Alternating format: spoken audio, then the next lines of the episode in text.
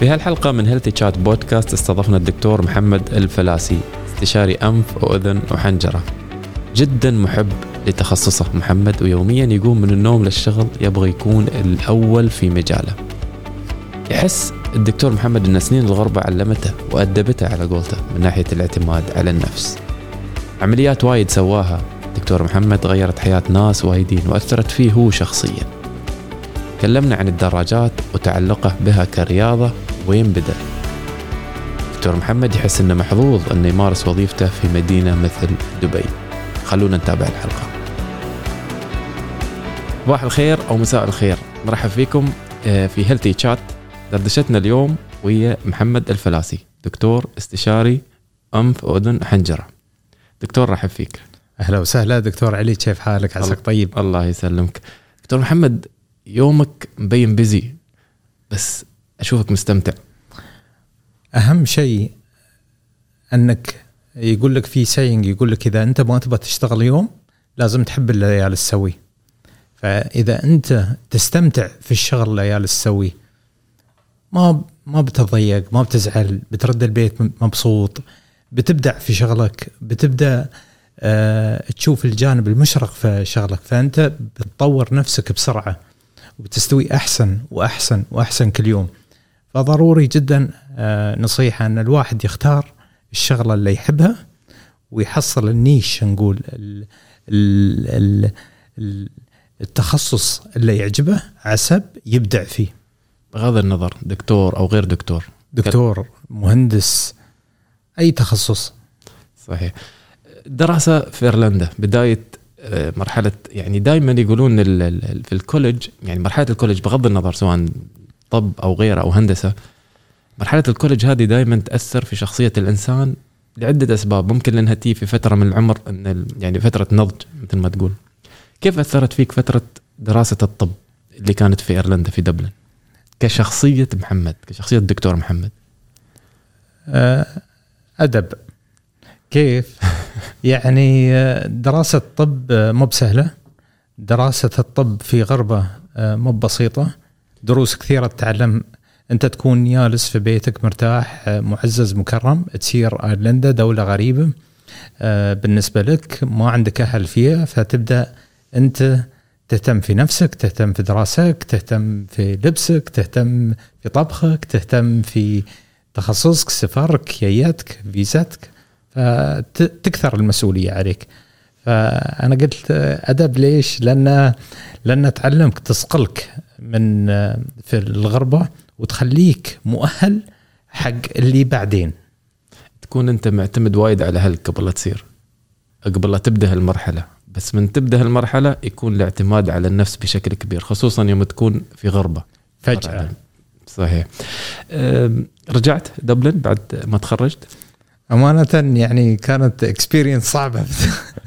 كانت experience وايد صعبة في دبلن من ناحية دراسة الطب ما كانت سهلة في البداية وكان يعني ال experience جدا صعب في البداية لكن بعدين تسهلت الأمور الحمد لله وبدينا نحب التخصص اللي نحن نشتغل فيه ونبدأ نحصل التخصصات نبدأ ندرس التخصصات الثانية اللي في الطب. ف من تدخل في المستشفى تشوف عالم الجراحة الباطنية التخصصات الثانية تبدأ تتفتح. تشوف الجانب المشرق من الموضوع فتبدأ تختار التخصص اللي تحبه. رجعت إيرلندا؟ ما زيارة؟ رجعت. ما رجعت. ما رجعت إيرلندا. ودي ازورها لأن قالوا لي تغيرت وايد عن قبل.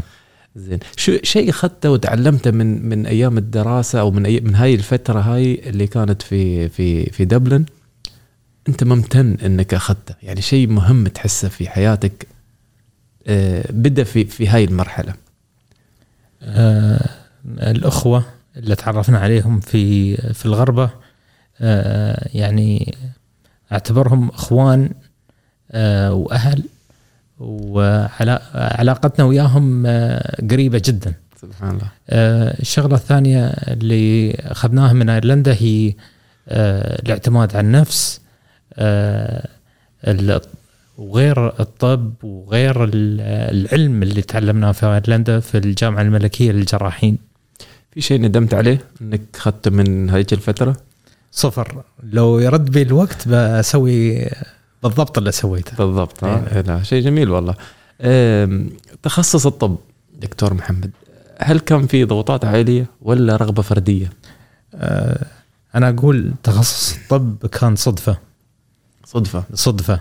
آه، أنا كنت آه، ساير في البداية إني أدرس أدوات طبية يعني هندسة أدوات طبية. بس آه، سبحان الله تغير تغير الدايركشن من معدات؟ هندسة معدات طبية هندسة طبيب. إلى إلى طبيب إلى جراح. سبحان الله. بس مبين الشغف عندك بالتخصص ما شاء الله. بعد فترة الطب بدأ التخصص. ليش أنف وأذن حنجرة آه، في البداية بعد ما آه، خلصت من آه، دراسة الطب وأنا أتوقع هذا بس الأساس يعني نفس يوم تبني بيت تحط الأساس الأساس. ال concrete. ما تعرف شيء في الطب ما تعرف شيء عقب الطب. آه لما بدينا سنة الامتياز اللي هي سنة ال internship هني آه، سوينا ست شهور آه جراحة وست شهور باطنية. شفت عمري أكثر كجراح عن تخصص الباطنية. لما بديت في في الجراحة حبيت التخصصات الدقيقة مثل جراحة ال- الأطفال جراحة التجميل جراحة العيون جراحة الأذن. شيء دقيق. شيء دقيق يعني يكون تخصص جدا دقيق. ف وشغلة من الشغلات اللي خلتني يعني أبعد عن التخصصات الجراحية مثل الجراحة العامة والعظام أني ما أبغي حد يدق لي تليفون في الليل يوعيني مرقاد زين. شيء يعني الجيوب الأنفية. وايد نسمع ناس تتشكى من الجيوب. عندي الجيوب عندي الجيوب. جيوب الأنفية أو التهاباتها بالضبط. هل هي مرض مزمن؟ هل هي أم، أعراض لمرض معين؟ باختصار الجيوب الأنفية شو بالضبط؟ فبخصوص الجيوب الأنفية آه، هي فجوات في قاع الجمجمة. أربع فجوات في الجيوب في في قاع الجمجمة. تحت العين وفوق العين في النص وفي الخلف. تحت ال- ال- الجمجمة. آه، عبارة عن أنا أقول غرف نوم أو مغارات فيها هواء تساعد في تنقية الهواء قبل لا يدخل للرئة الجيوب الأنفية غرف نوم أربعة. ال maxillary sinus ethmoid frontal sphenoid.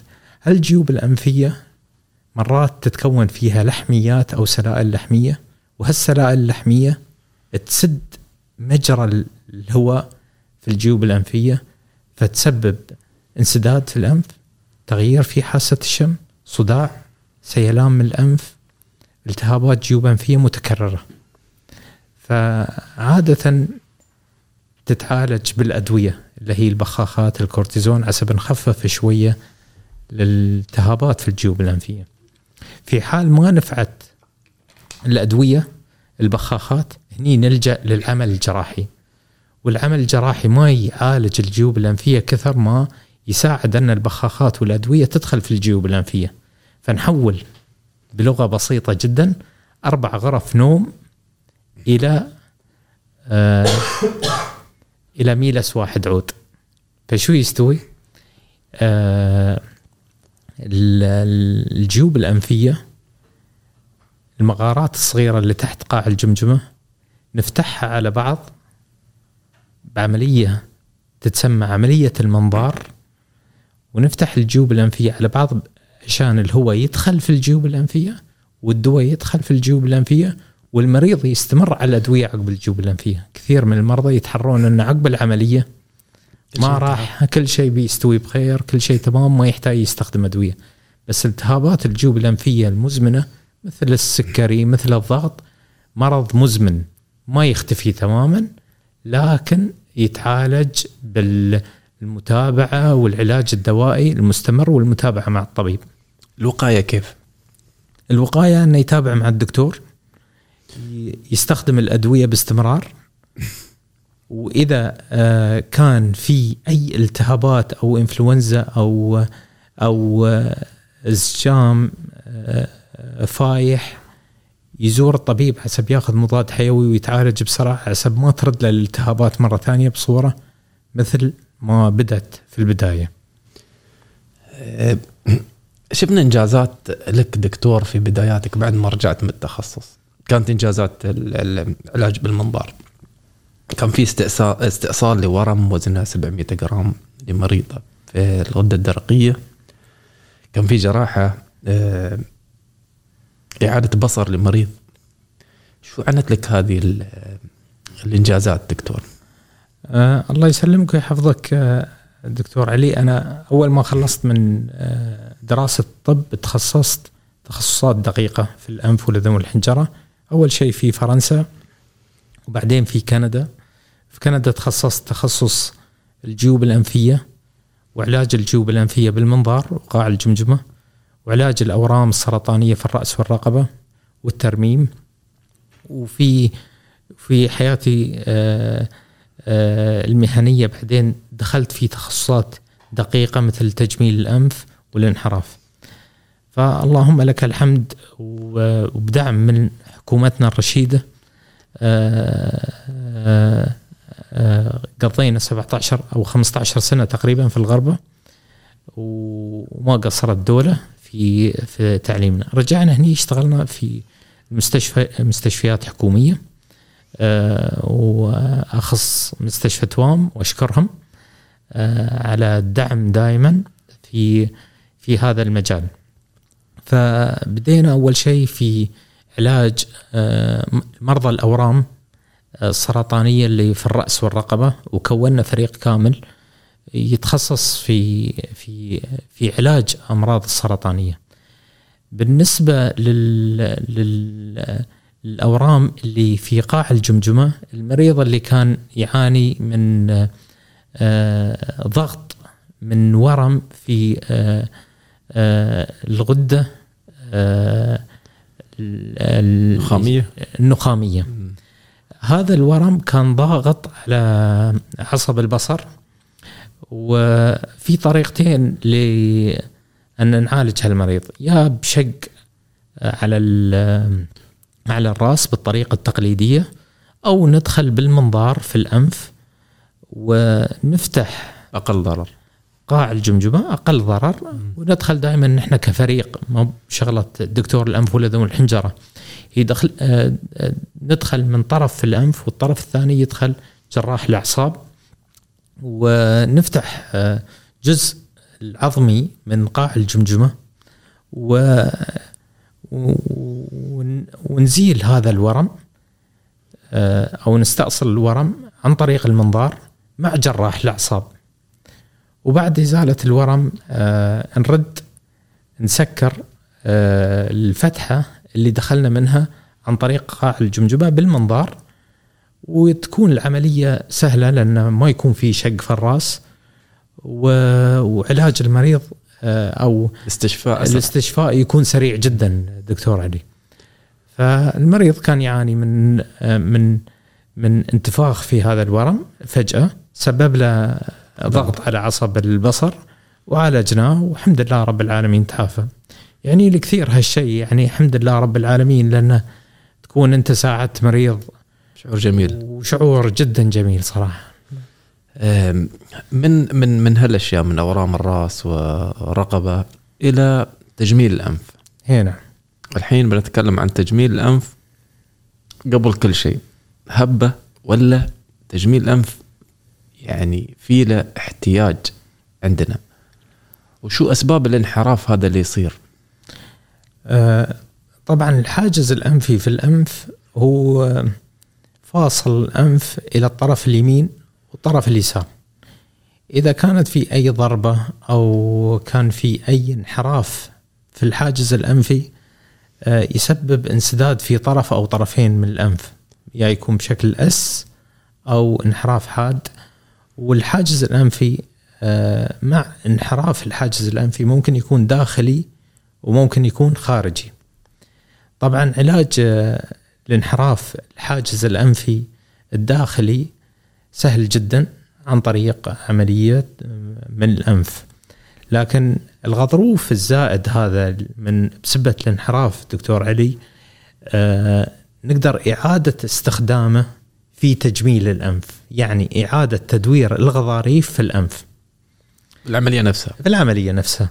فنسأل المريض إذا إذا هو حاب يشك يعني يغير حاب يغير شكل الأنف أو أو عنده مش أو ما في انحراف خارجي وما يبغى يغير شكل الأنف. إذا المريض مرتاح على شكله وحتى لو كان الأنف حتى شكله مو بحلو لكن إذا مرتاح. مو بفارقة وياه والمريض مبسوط انت المفروض ما تشجع على عملية تجميل. تقول لا خلاص بعالج لك ال- ال- المشكلة الداخلية.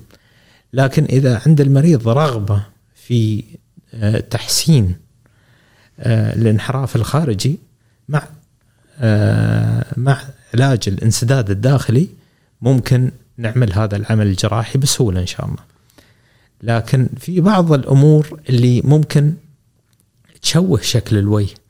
لأن الأنف في, في وسط الوجه. صح. يعني يعني أنت ممكن تخفي البطن إذا عندك ترهلات. صح بس ممكن الخشم في الوجه. لكن الخشم في الوجه. زين المدعمية. جا- تجاب للناس يعني ب- بالخشم. ف ونحن هني نسلم ب- بخشوم بعد. زين فالا عقب كورونا وقفنا لكن. لكن فالخشم في الوجه فتغيير أو تجميل الأنف يغير بشكل كبير فقرار ملا- مهم. ملامح الوجه كلها. قرار مهم يعني. قرار مهم نعم. قرار مهم. شو غير غير الحوادث يعني لا قدر الله هل في أسباب جينية مثلا في انحراف الأنف تكون أو في أسباب أخرى؟ آه، مثلا الشفة الأرنبية آه، أو cleft lip عن الشف آه، ممكن المريض يكون عنده عيب خلقي أن عنده انحراف وعنده تشوه خلقي في الأنف. ممكن تكون في حدبة واضحة يعني عظمة بارزة على جسر الأنف مشوهة شكل الأنف. ممكن يكون عرض زايد في أرنبة الأنف أو عرض في ال base تحت في الأنف. آه، مسبب حرج أو تشوه الشكل أو مظهر الشخص. فيحتاج في بعض الأحيان تجميل الأنف وأنا أدعو أن المريض إذا متأذي نفسيا من شكل الأنف هني يلجأ للاستشارة. وعن طريق الدكتور ممكن ينصح أو لا ينصح بعملية تجميل الأنف لأن في بعض الأحيان يكون الجلد جدا سميك و وتجميل الأنف ما راح آه، يغير شكل الأنف أو يكون الجلد جدا رقيق وفي آه، صعوبة في عملية آه، تجميل الأنف. فالاستشارة جدا مهمة انه يشوف الطبيب إذا المريض يحتاج العملية أو ما يحتاج العملية. بس هل هل هل اللي صاحب الانحراف مشاكل أخرى غير غير يعني الشكل التجميلي؟ هل ممكن يسبب مثل شخير؟ أو مشاكل أخرى يعني الشخص اللي عنده انحراف هل مثلا تصحيح ال- ال- ال- انحراف الأنف هل ممكن يحل مشاكل أخرى؟ بخصوص آه، الشخير دائما المرضى يظنون أن الشخير متعلق في الأنف. الشخير ما له خص في الأنف لأن الشخير الصوت يطلع من الحنجرة. أنتم بريئين من الموضوع فنحن بريئين. في بعض الأحيان المريض اللي عنده انسداد أو انحراف في الحاجز الأنفي هني آه، يتأثر ب آه، أنه يطلع صوت وقت ما يتنفس من من الأنف. آه، لكن الشخير نفسه هاي علامة من آه، مشاكل النوم. في تخصص في في الطب اسمه تخصص النوم sleep ولازم الط- لازم المريض اللي يعاني من الشخير أو أنه ينش من رقاده فجأة مو بقادر يقبض نفسه ما يقدر يتنفس هني لازم نحوله حق sleep test sleep test عسب نشوف إذا كمية الأكسجين تنزل ولا لا وقت النوم. فمع فحص الأنف حسب نتاكد أنه ما يكون في أي انسدادات في الحاجز الأنفي أو في الأنف أو لحميات أو سلائل لحمية. فالموضوع شوي أشمل من من من موضوع إنه بس آه، انحراف ولا طبعا. أكبر طبعا. من هذا الموضوع. إيه نعم. العمل الطبي في دبي وجودك في دبي كيف تحس دكتور محمد كطبيب في في مدينة دبي؟ آه، كل يوم آه، انش الصبح أسير العمل.